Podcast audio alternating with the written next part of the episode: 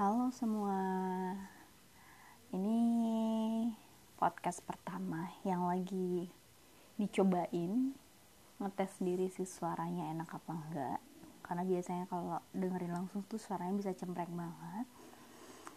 Dan bikin podcast karena hobi cerita. Suka aja cerita. Ceritanya bisa tanpa uh, spasi tanpa koma bisa change ke topik yang lain dan emang dulu pengen banget itu masuk ke penyiar radio. Tapi apa daya lah kuliah di farmasi itu menyebabkan uh, segala waktu fokus tercurah dengan segala laporan-laporan praktikum yang harus ditulis tangan.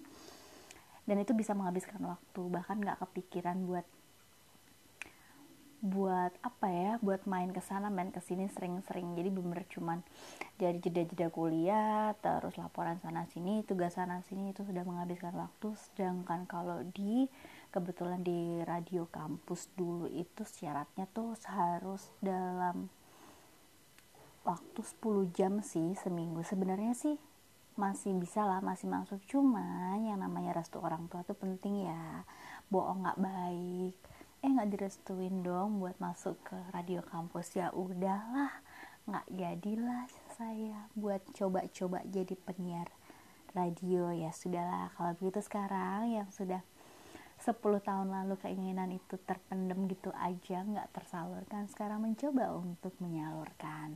Nah semoga nanti sih ada banyak lah yang bisa diceritain macam-macam apa pun. Ya karena aku bisa cerita apa pun sih apa yang aku pengen aku bisa bagi